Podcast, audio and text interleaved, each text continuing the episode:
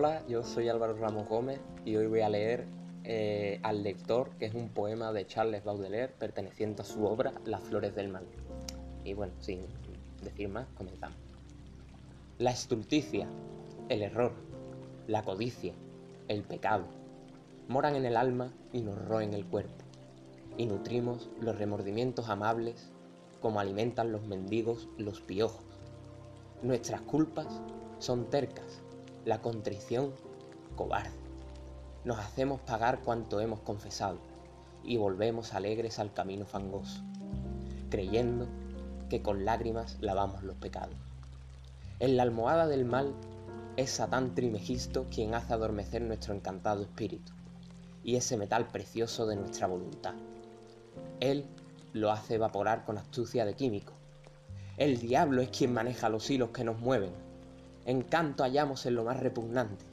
Cada día avanzamos un paso hacia el infierno, sin horror, a través de tinieblas pestilentes y como el pobre degenerado que besa y muerde el pecho lacerado de una vieja ramera, robamos, al pasar, un placer clandestino, que exprimimos con furia como naranja seca, denso y hormigueante como un millón de elmintos.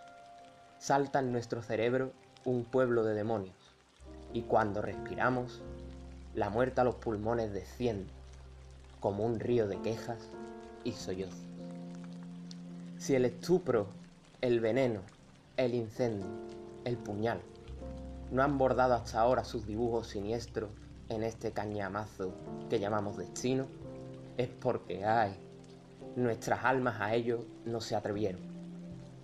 Mas entre los chacales, las panteras, los linces, los monos y escorpiones, los buitres y serpientes, los monstruos que aullan y gruñen rampantes, de esa fauna de vicio, uno solo aparece, todavía más feo, más malo, más inmundo, sin, sin gesticulaciones ni desgarrados gritos.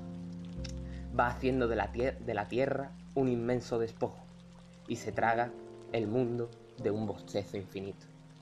Es el tedio, es el ojo que, involuntario, llora mientras fuma su pipa soñando en el cadalso.